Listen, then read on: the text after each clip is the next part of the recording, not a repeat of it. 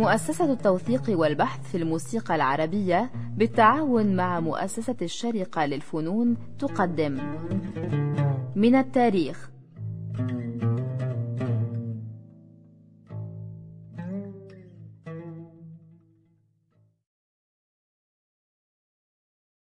إبراهيم سهلون. موسيقي عربي وعازف كمان ساهم في النهضة الموسيقية العربية التي بدأت مع عبد الحمولي ومحمد عثمان في مصر في النصف الثاني من القرن التاسع عشر. لا نعرف بالضبط تاريخ مولده لكن يبدو أنه ولد في أربعينات القرن التاسع عشر.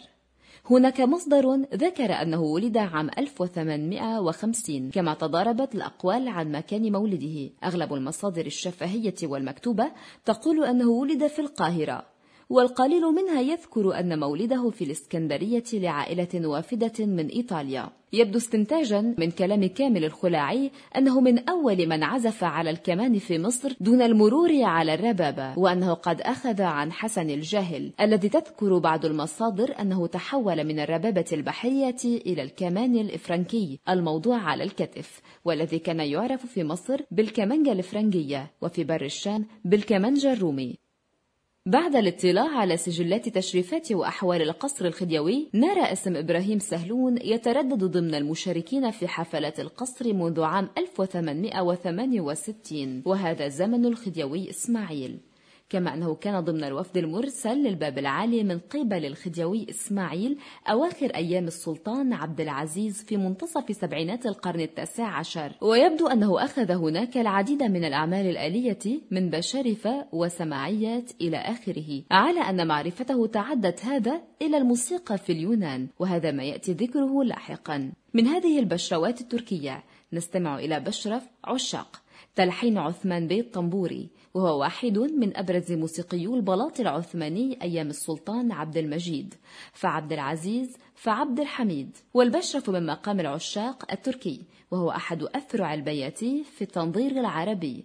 سجله إبراهيم سهلون مع عبد الحميد القضبي ومنصور عوض لشركة بيضافون حوالي عام 1912 على وجهين قياس 27 سنتيمتر رقم 12516 و 12517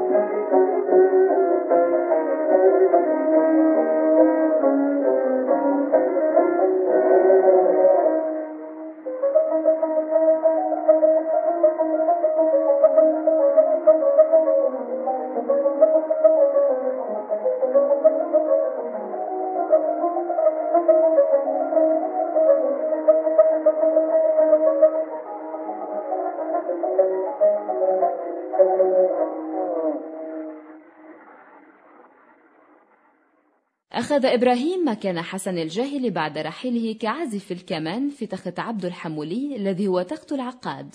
وكانت هذه النقلة نوعية في حياته حيث أضحى واحدا من اثنين اعتبرهما الناس المتربعين على عرش عزف الكمان في هذا الزمان. والعازف الثاني هو أنطون الشوى حيث عمل سهلون مع تخت الحمولي والشوى على تخت محمد عثمان. ويبدو أنه بعد رحيل عبد الحمولي قرر إبراهيم سهلون تكوين تخت خاص به مع استمراره في العمل ضمن تخت محمد العقاد الذي اشتغل بعد رحيل الحمولي مع يوسف المنيلاوي وكان التسجيل وقتها قد بدأ في الانتشار والازدهار. فعزف تخت سهلون الذي ضم محمد إبراهيم على القانون مع بعض المطربين لشركات الأسطوانات. كعبد الحي حلمي وأسمى الكمسرية وغيرهم كما سجل هذا التخت العديد من الأعمال الآلية. نستمع منها إلى شنبر الحجاز والمسجل لشركة فيفوريت حوالي عام 1905 يعزف معه على القانون محمد إبراهيم وعلى العود محمود القمركجي التسجيل على وجه واحد قطر 25 سنتيمتر إصدار واحد شرطة خمسة أربعة خمسة صفر سبعة. مصفوفة واحد اثنان صفر ثلاثة شرطة اف الله الله يا إبراهيم يا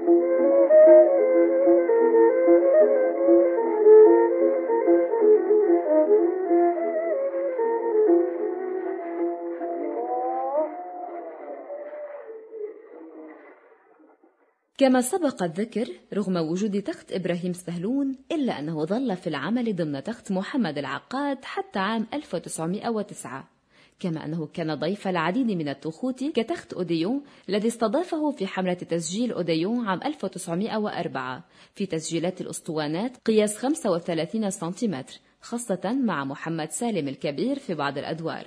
ومن تخت العقاد الذي يعزف فيه إبراهيم سهلون على الكمان مع العقاد على القانون وعلي عبد صالح على الناي ومحمد أبو كامل الرقاق نستمع إلى بشرة سوزدلارة ونلحظ فيه مزاجا مرتفعا لكمان إبراهيم سهلون. التسجيل لشركة الجراموفون عام 1908 على وجهين قطر 30 سنتيمتر. رقم 0180008 وصفر واحد ثمانية صفر صفر تسعة. مصفوفة واحد اثنان واحد بي وواحد اثنان اثنان بي.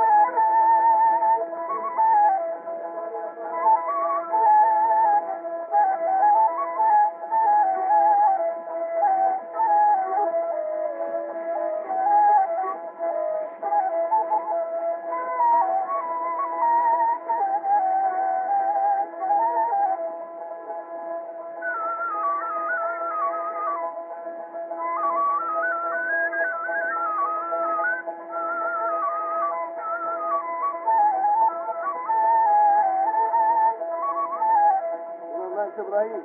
مهندس إبراهيم تعالون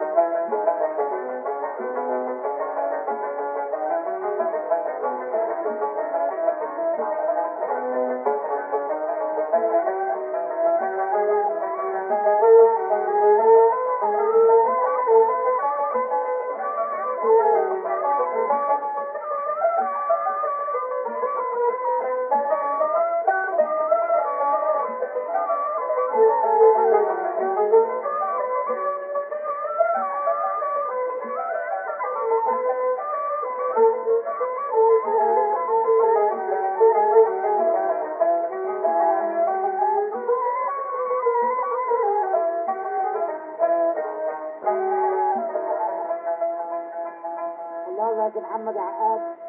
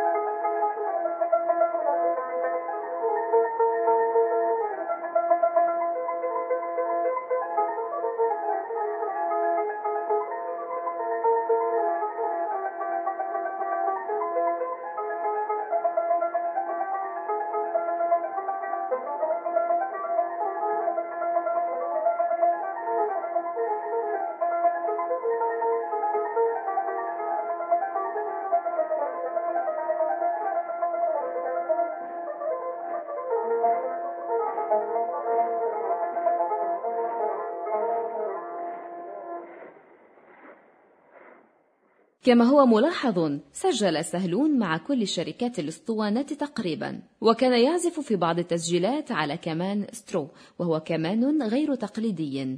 فتكبير الصوت فيه ليس عن طريق صندوق الرنين الخشبي للآلة بل عن طريق إبرة تحت كل وتر تهتز بحركة القوس التي تسبب اهتزاز الوتر. تتحرك الإبرة لتحرك بدورها قطعة دائرية رقيقة من الجلد تنقل الصوت ليكبر في بوق نحاسي وهي طريقة تطابق تماما طريقة تكبير الصوت في الفونوغراف. من أوضح الأمثلة على استخدام هذا الكمان هو مارش السلطان محمد الخامس تلحين منصور عوض والذي سجله معه مع شركة بيدافون على وجه واحد قياس 27 سنتيمتر يتبع بتقسيم على الكمان. التسجيل رقم 12502 حوالي عام 1912 بيضة كومباني مارك السلطان محمد القامي تأليف الموسيقي الشهير منصور أفندي عوض.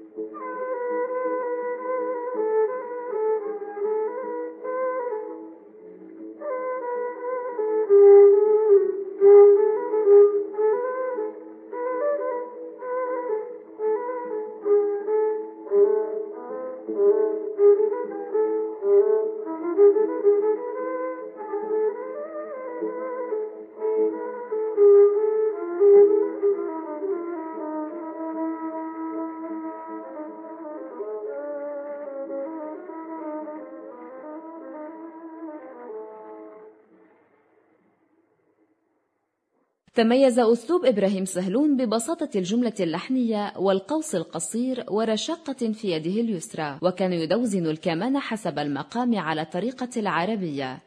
وتتميز تقاسيمه بالتركيز ونقل تفعيلة الجملة نفسها من مظهر إلى آخر من قرار المقام إلى جوابه. وهو من القلائل الذين عزفوا التقسيم المجنس أي الذي يبدأ في مقام وينتهي في آخر. وكان هذا دارجا في الانتقال بين الوصلات على أن من سجله قليلون جدا. من تقسيم إبراهيم سهلون نستمع إلى تقسيم بياتي سجلها على وجه واحد قطر 27 سنتيمتر لشركة أورفيون التركية.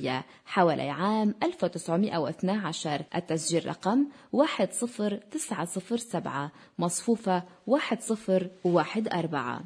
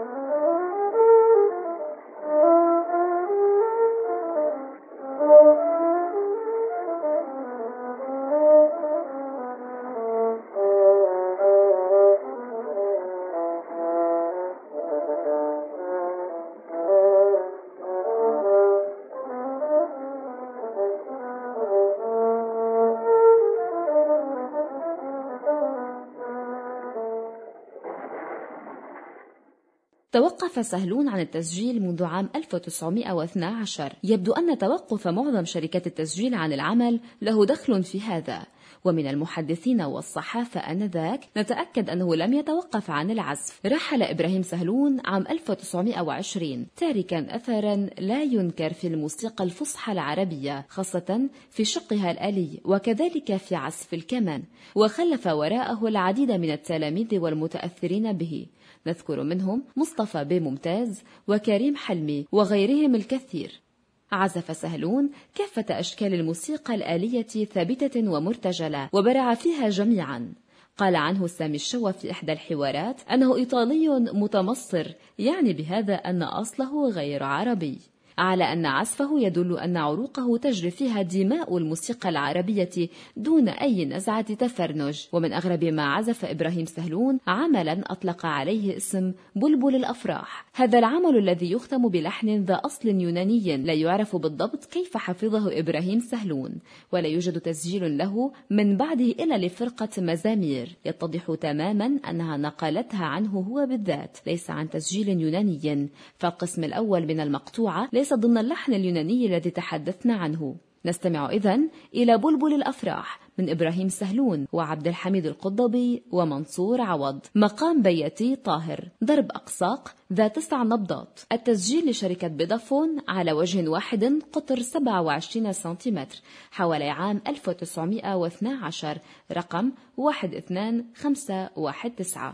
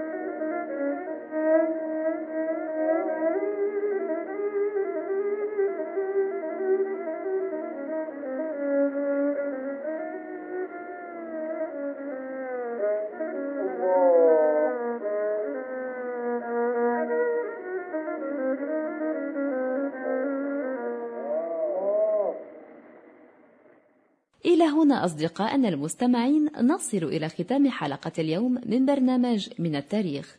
إلى أن نلتقي في حلقة جديدة من هذا البرنامج نترككم في الأمان. قدمت لكم هذه الحلقة هالة جمال.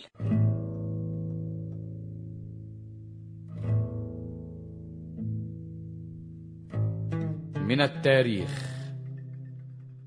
فكرة وإعداد مصطفى سعيد.